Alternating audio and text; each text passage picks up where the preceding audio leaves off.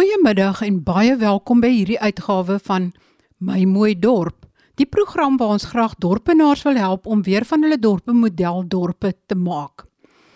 Vandag se program is hoofsaaklik nuusbrokkies en nie altyd vreeslik positiewe nuusbrokkies nie. Laat ek onder julle aandag bring wat die afgelope tyd gebeur het. Ses dorpe in die Vrystaat wat saam sowat 'n half miljoen mense het, het geen brandweer waar nie. Die Matjabeng munisipaliteit in die Vrystaat wat welkom Allen Ridge, Odendaalsrus, Virginia, Ventersburg en Henneman bedien, het net 'n paar bakkies met brandweermanne. Al ses dorpe het eens hulle eie brandweerstasies en toerusting gehad, maar dis geplunder. Net 9 van alle munisipaliteite landwyd wat Eskom saam miljarde rande vir elektrisiteit skuld, het tot dusver al afbetalingsooreenkomste met die kragvoorsiening nagekom. Het die minister van Finansies, Enoch Godongwana, op 'n vraag in die parlement geantwoord. Tshwane munisipaliteit skuld Eskom 1.6 miljard rand. Baie munisipaliteite het onbefondse begrotings goedgekeur wat beteken dat hulle gaan hulle in die toekoms selfs nog verder in die skuld dompel. Ons het verlede week verslag gedoen oor Sakeliga se stappe om onwettige lasvermindering deur Eskom stop te sit. Volgens wet mag Eskom las verminder, maar nooit volkome afskakel nie en mag hulle nie betalende verbruikers benadeel nie. Hoor hoe berig Susan Paxton in Spectrum oor die situasie in Tshwane. Eskom sê hy is van plan om krag te voer na die Tshwane Metro af te skakel as die uitstaande rekening van sowat 1,6 miljard rand nie vereffen word nie. Eskom sê hy het al verskeie kere met die Metro vergader oor die kwessie. Tot op hede het Tshwane slegs 68 miljoen rand van die uitstaande rekening betaal. Die Metro sê egter dat hy nie agterstallig is nie en dat dit slegs die maand se rekening is. Die kliëntediensbestuurder van Eskom in Gauteng, Daphne Mokoena, het vroeër aan SAK nuus gesê dis nie heeltemal waar nie. They were supposed to pay us 1.5 billion. They paid it for over a month and a half. And now they're supposed to pay the 1.6 billion and they only paid at 68 million. Now that that means that we are basically giving Swani supply without Swani doing good on its side in terms of the contract. In 'n vraag en antwoord sessie in die parlement het die minister van Finansies, Enoch Godongwana, gesê uit al die munisipaliteite wat betalingsooreenkomste met Eskom het, hou meer as die helfte nie by die betalingsooreenkoms nie. In die lig hiervan sê Mokoena is daar 'n goeie rede hoekom Eskom juis op die Tshwane Metro fokus. Tshwane is a metro and all the other municipalities that are owing us are local municipalities. Tshwane is the only metro that is actually owing Eskom or not paying ESCOM on time. And not that we are not taking action for other municipalities, but Tshwane can be singled out because it's a metro. When they owe us, it's not like they owe us a 20 million, which would be an invoice for a local municipality. It's a 1.65 billion. Mokoena sê sy verstaan die argument dat die wat wel betaal nou benadeel gaan word sou die krag afgeskakel word, maar Eskom se rekening moet vereffen word. I think the city must then do good. If people are paying them, why are they not paying us? Because it's as easy and simple as that, that if they are paid, they need to pay us. En dit was Stephanie Mkwena, die kliëntediensbestuurder van Eskom in Gauteng. 'n Beswaarskrif is by Enoch Godongwana, minister van Finansies, ingehandig, as ook aan die Mangaung Metro Omdat vereniging Rylaan en die brug gesluit is, blykbaar omdat die kontrakteur nie betaal is nie. Die beswaarders eis dat die pad en brug onmiddellik oopgemaak word, omdat 'n voorwaardelike toelaag vir die pad en brug reeds deur die nasionale regering aan die metro oorbetaal is. Inwoners moet op die oomblik 30 km ompad ry omdat die pad net 80% voltooi is.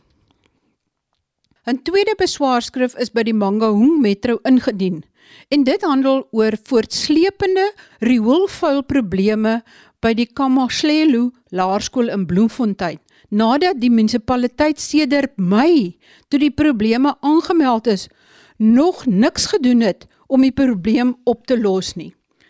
Rioolvuil is ook 'n probleem in Grasslands 2 en dit is vroeër in die maand ook aangemeld in Figart Park.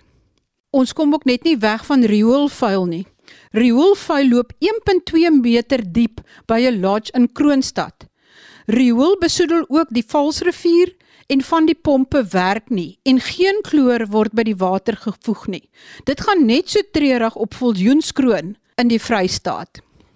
Groot probleme heers ook in Parys. Afriforum het sowat 8 weke gelede 'n dringende hofaansoek voor die Hooggeregshof in Bloemfontein gebring om seker te maak dat daar watervoorsiening in Parys is. Die Hooggeregshof het nog glad nie eens geantwoord op hierdie dringende aansoek nie. Ons bly in die Vrystaat. Vrystaat Landbou spreek al kommer uit oor die tekort aan polisievoertuie in die provinsie. Edu Karelse van Monitor vertel meer. Vrystaat Landbou sê dit is onbekend hoeveel voertuie van die polisie in die provinsie onbruikbaar is, maar dat dit honderde moet wees.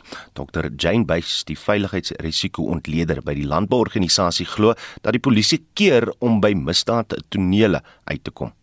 Nog nie eers te sê van uh, ondersoekbeamptes wat sukkel om voertuie te kry en ook 'n gebrek aan operasies en 'n gebrek aan hoë sigbaarheid. Wat is die probleem met onsigbare polisieering? Dit is die sigbaarheid van die polisie wat misdaad laat daal en in samewerking met boeregemeenskappe want hulle is dan sigbaar en sekere kriminele sal nie in 'n area opereer as jy hoë sigbaarheid het nie. So dit is baie belangrik dat die polisie in terme van hoë sigbaarheid moet domineer in sekere areas. Dit sien ons nie. Hoe beïnvloed dit vee diefstal? Daar is 'n geweldige probleem op hierdie stadium ten opsigte van vee diefstal. Dit is ook so genoem op die nasionale veiligheidsberaad onlangs deur die minister en het die nasionale polisiekommissaris dit so ook uitgewys dat vee diefstal is 'n krisis en dat die polisie moet herbesin in terme van sy strategie om vee diefstal aan te spreek. Dit sê ons nou al vir 8 jaar vir hulle en dat ons ook op die prioriteitskomitees vergaderings vir die polisie sê dat vredestal moet op 'n ander manier aangespreek word dat dit kan nie so aangaan soos wat dit nou tans aangaan met ondersoekers wat daar nie eers is nie en hulle het nie ondersteuning nie en hulle het nie voertuie nie en hulle het nie toerusting nie. So daar moet 'n herindeling kom van die veediefstal eenhede wat hulle lyk my tans mee besig is. Maar daar is 'n geweldige probleem in terme van polisieering om veediefstal as 'n georganiseerde misdaad aan te spreek. En die uitwerking van die voertuigtekort op die veiligheid van boere op plase? Dit het 'n direkte impak. Die tekortkominge in terme van effektiewe polisiebevel en beheer wat in baie van die stasies ontbreek en by die ondersoekeenhede ensovoorts maak dat daar 'n direkte impak is op die toename van misdaad en die effektiewe aanspreek daarvan. Jou drie operasionele divisies van die polisie wat misdaad moet aanspreek, soos in sigbare polisieering, speurders en misdaadintelligensie, gaan gebuk onder voertuie, gebrek aan toerusting, mannekrag en dan effektiewe bevel en beheer. So dit maak dat daai uitvoering van die operasionele mandaat van die polisie nie in die landelike gebiede daar is nie. En dit het natuurlik 'n veiligheidsrisiko wat dit inhou vir die boerderygemeenskappe dat hulle moet meer ook daarna self kyk na hul eie veiligheid terwyl die polisie 'n mandaat het om gemeenskappe ook by te staan en uh, te beskerm en te beveilig en ondersoek van misdaad te doen. Kommunikeer julle hierdie boodskap na die polisie? Ons kommunikeer dit vir jare lank al op die prioriteitskomitee vergaderings, maar weer eens is die funksionering van die prioriteitskomitees van die polisie is ook op die veiligheidsberaad van die minister uitgewys as 'n bymekaar kom sessie. Dit is eintlik net 'n bymekaar kom sessie en daar word nie daadwerklike beplanning en uitvoering aan die polisie se mandaat gegee nie, saam met die kernrolspelers wat binne die strategie betrokke moet wees nie. So, dit is 'n nice to have dat ons bymekaar kom, maar daar word nie tande gegee nie en daar word nie uitvoering gegee aan die mandaat nie. So dan beteken dit eintlik maar dat die prioriteitskomitees die gemeenskappe faal. Dr. Jane Buys is die veiligheidsrisiko-ontleder by Vrystand Landbou en daar het sy met Mitsi van der Merwe gepraat. Verhoogde munisipale tariewe kan vir baie skole 'n geweldige knou toedien. Edu Karelse van Monitor vertel meer. Volgens die Solidariteitskole Ondersteuningsentrum bestee skole ongeveer 10% van hulle maandelikse begroting aan munisipale dienste. Vir meer hieroor praat ons nou met Melanie Buys, die hoof van ontwikkeling by die Solidariteitskole Ondersteuningsentrum. Melanie, goeiemôre. Goeiemôre Oudo. Jy jy het 'n opname onder skole gedoen. Hoeveel rand per maand bestee 'n openbare skool aan munisipale dienste? Ja, weet jy, nou, ehm um, dit is gemiddeld omtrent tussen 40000 en 70000 rand per maand wat meeste skole bestee en ons het in hierdie opname ons het in 2018 dieselfde opname gedoen en toe nou weer.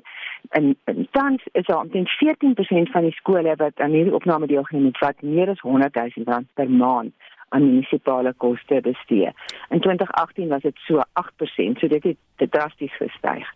Die Johannesburgse metro het ook aanpassings aan sy beleid op eiendomsbelasting gemaak. Hoe word openbare skole hierdeur geraak? Ja, dit is baie ernstig. Afriforum en ek weet baie ander 'n paar ander instellings het ook 'n hofsaak daaroor begin. Die nette doen nou weg met 'n spesiale kategorie vir onderwysinstellings. So openbare skole word nou openbare dienseiendom en onafhanklike skole word as besighede aangeslaan. Nou dit kom neer op 1050% meer as wat dit tans betaal. So 'n skool wat byvoorbeeld nou R12000 per maand munisipale belasting betaal, sy belasting word R126000 per maand. En dan sê jy ja, maar daar is 'n debat, jy kan nou vir aansoek doen as jy nou so, jy weet as jy nou kwalifiseer vir die volledige debat wat van van wat van 25%, dan betaal die skool nog steeds teen 90000 rand per maand. So dit is nog steeds 'n 87% verhoging. En hierdie verhoging is ingebring sonder konsultasie met skole of met met instellings um, om om enigstens insig daaroor te, te lewer. So ons is baie baie bekommerd daaroor. Nou daar is nou 'n uh, hofbevel dat die metro geen kredietbeheer aksie mag onderneem voor die 1 November nie want die hmm. saak word in Oktober aangehoor. Nou dit beteken hulle kan nou die die belasting hê, maar die skool hoef dit nie te betaal die 1 November nie en hulle sal nie die krag afsny daaroor nie. So ons hoop nou maar die uitspraak in Oktober bring 'n bietjie sin hier dit is eintlik 'n reël dat skole omdat dit 'n die diensinstelling is, ehm um, word in 'n aparte kategorie aangeslaan. Nou met hierdie opname het ons ook byvoorbeeld agtergekom selfs in munisipaliteite waar skole ehm um, as 'n aparte kategorie ehm um, genoem word, word 'n hele klomp openbare skole as besighede aangeslaan. Nou dit beteken dat hulle tariewe heelwat duurder is. Ehm um, omdat 'n onderwysinstelling 'n diens lewer, het hulle altyd 'n toegewing gekry. Hmm. En ons sê dit is belangrik want onderwys is belangrik jare. Um ons sien byvoorbeeld tans daar's 'n hele paar skole wat glad nie meer 'n munisipale koste kan bekostig nie, want ehm um, daar's verpligte kwytskeld aan ouers wat nie skoolgeld kan bekostig nie, betaal nie skoolgeld nie, hulle word kwytgeskeld. En daai skole kan glad nie meer hierdie bedrae byhou nie. Um, en ek dink dit is nogal belangrik om te noem ook skoolgeld skole word omtrent met R280 per kind per jaar deur die staat hmm. gefinansier. So dit is regtig baie gering. Alles moet maar uit die skoolgeld uitkom en as ouers dit nie meer kan bekostig nie, dan kan hulle net nie ook meer hierdie munisipale fooie betaal nie. Melanie Buys is die hoof van ontwikkeling by die Solidariteitskole Ondersteuningsentrum. Die watersituasie in Nelson Mandela Bay lyk sleg. Nou en in die toekoms. Dag 0 is steeds nie afgeweer nie en 40% van die woonbuurte aan die weste kant staar steeds droë krane in die gesig. Twee kwessies word genoem. Die oostelike woongebiede kry geriepwater van die nooit gedag dam, maar terwyl water in 'n oop kanaalstelsel met verdamping teen slegs 8% waterverlies in die Sondagsriviervallei bedryf word, mors die Nelson Mandela Bay gebied sowat 'n derde van die kosbare en skaars bron deur lekkende pype, besoedeling en swak bestuur. Die vraag word ook gevra of die westelike toevoerdamme op die regte plekke gebou is en waarom die Bakens en Swartkopsriviere in Nelson Mandela Bay so besoedel is. Mariska Spoormaker het gaan uitvind. Ons uh, drie damme op die weste kant, hulle kry gewoonlik laat winter reënval. Jy praat van die drie damme aan die weste kant. Dit is wat almal dophou en sê Port Elizabeth se watertoevoer is in 'n krisis. Dis die Churchill, die Mpofu en die Kouga damme. Die een nadeel van daai damme is hulle is in dieselfde gebied. So dis die een 'n droogte het dit al drie 'n droogte. En dit is die geval nou. Die opvanggebiede, die reënval daar is, is baie goed. Uh meer as PE op plekke. Maar die ondersoek vat alle bronne in aanmerking en een van die bronne is net uh, buitekant uit Naag op die Swartkopsrivier. Daar's 'n plek daar vir 'n dam wat hulle noem die Eckodale dam terrein en dit word in berekening gebring elke keer daar ondersoek is, maar dit val uit in die ondersoek. Hoekom? Ek dink dit is te klein. Die hoeveelheid water en die koste. Maar die opvangsgebied is te klein. Ja. As ons net kan teruggaan na die Kouga, die Impofu en die Churchill damme.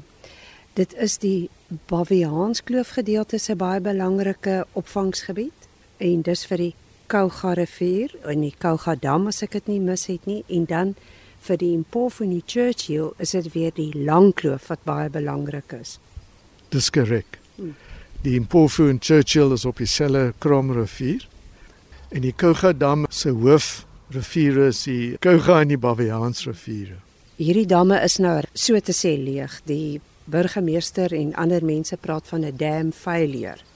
Maar in al die jare wat jy wateringenieur was hier in Nelson Mandela Bay, toe Kabega nog Port Elizabeth was, het jy al ooit so 'n droogte beleef en die damme op so 'n lae stand? Nee, en ek praat nou vanaf uh, 1980 toe ek begin werk het. Die droogte van 1988 tot 93 was baie erg. En dit is waar ons vir die eerste keer aangesluit het by die Geriepdamwater. Maar daar was 'n uitreiling van water van die Luri na uh, nooit gedagte. So in ander woorde ons allocasie van die Kouga by Luri was verminder van 100 na 62 megaliter per dag. En toe het waterwese dieselfde hoeveelheid aan die ander kant daar gesit. En dit was fase 1 van nooit gedagte. Ons praat met David Reimer, gewese wateringenieur van die ou Port Elizabeth, nou Nelson Mandela Bay, gebye gas mens meer in die kol wil kom. En dan moet 'n mens net verstaan wat jy as jy nou praat van die Luri dam. Dit is meer 'n balanseerdam vir water wat uit die Kouga dam kom en wat dan in die waterstelsel van Nelson Mandela Bay gepomp word. Dis korrek, dit is 'n balanseerdam. Hy is basies die einde van die hoofkanaal. So al die oorskietwater gaan in Loridam en die metro onttrek die water daar. Maar Loridam het ook sy eie opvanggebied alhoewel dit redelik klein is. Hy's nou tans op 59%. Ja, en dit is baie misleidend want mense kan dink maar kyk, daar's nou genoeg water in die dam. Ja, uh, uh, dit's baie uh, maklik om vir die publiek die verkeerde boodskap te kry en en dinge aan te neem. Ja.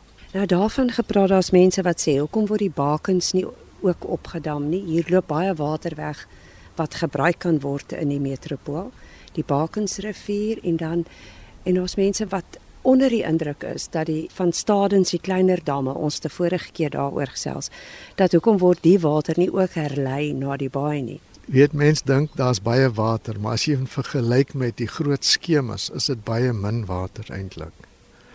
Die ander nadeel is daar is baie besoedeling van riool en ook van die stedelike besoedeling, soos die die rubber van die motorbande wat ook besoedel en ook die olies wat uh, lek en so aan. Ek sien in Australië begin hulle met van die stede daar waar hulle stormwater, hulle dam dit op en dan gebruik hulle dit, maar dit's meer vir parke en so aan. Dit klink nou nogal 'n gawe gedagte vir die Nelson Mandela Bay metropool. Maar het nou nou gepraat van 'n fase 1 van nooit gedagte wat voltooi is dat die water toe nou 'n bietjie hiernatoe gebring is. 'n Nooit gedagte skema moet mense ook net verstaan. David, dit is water wat uit die Gariep uitkom. Kan jy net 'n bietjie verduidelik waar ons nou trek? En is daar hoop? Ja, die water van Geriep kom van uh, oor die 400 km weg. Daai water, hy gaan eers in 'n uh, 80 km lank tonnel voordat dit daar naby Tebus naby Kraddock uitkom en dan vloei dit in riviere en so aan. Die doel van dit is vir besproeiing, maar ook vir stedelike water. Gramstad, Makanda trek nou ook water uit die Visrivier wat van Geriepdam kom. So fase 1 van nooit gedag was gebou in 93 was dit klaar. En fase 2 was nou eers in 2017 klaar gemaak.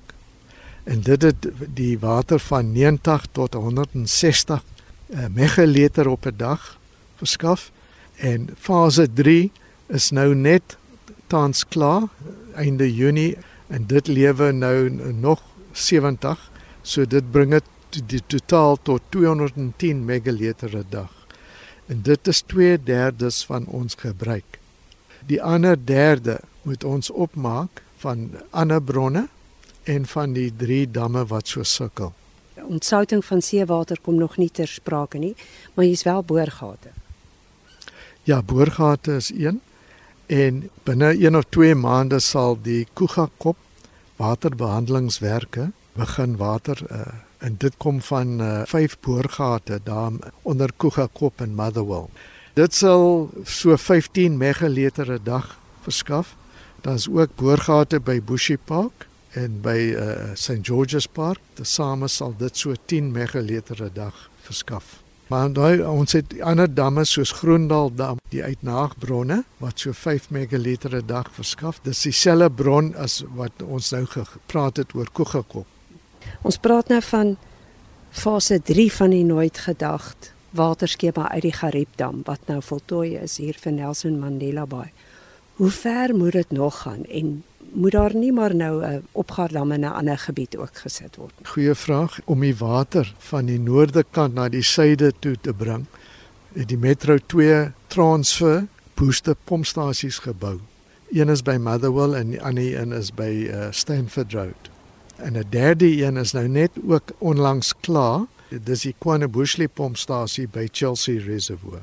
En dit het die vermoë om 50 megaliter geriepdam water te pomp direk daar verby Seaview in die Churchill pipeline. Soos dit gebeur dan beteken dit dat daai geriepdam water ry oor die 500 km. Ek hoor waterwese ondersoek 'n vierde fase van nooit gedag. Nou toe nooit gedag eers beplan was, was dit beplan vir 4 fases. Die grond is daar vir die waterwerke, maar die skepersvlakte dam is te klein so 'n langskepersvlakte om daar ook 'n dam te bou. Maar ons het die riviere binne die stede wat water kan verskaf. Ons het die Swartkopsrivier wat baie erg besoedel is. Ons het die Bakensrivier wat ook besoedel is. En dan is daar ook die Sharksrivier wat verby Happy Valley gaan. Maar dis eintlik dit wys net water reg rondom die metro, maar ons kan dit nie gebruik nie. Dit wys net hoe mors ons met water. Ja, dit is ongelooflik. Mense wil nie besef die belangrikheid van water en wat 'n kosbare bron dit is. Ons moet ons leefstyl en mindset verander. En as ons dit kan regkry, sal ons goed gaan in die toekoms. Dit is aan nuusflitsse oor dorpe in vandag se program. Tot volgende week dan, wanneer ons weer sake gesels wat met dorpe te doen het. Baie groete van my, Marie Hudson.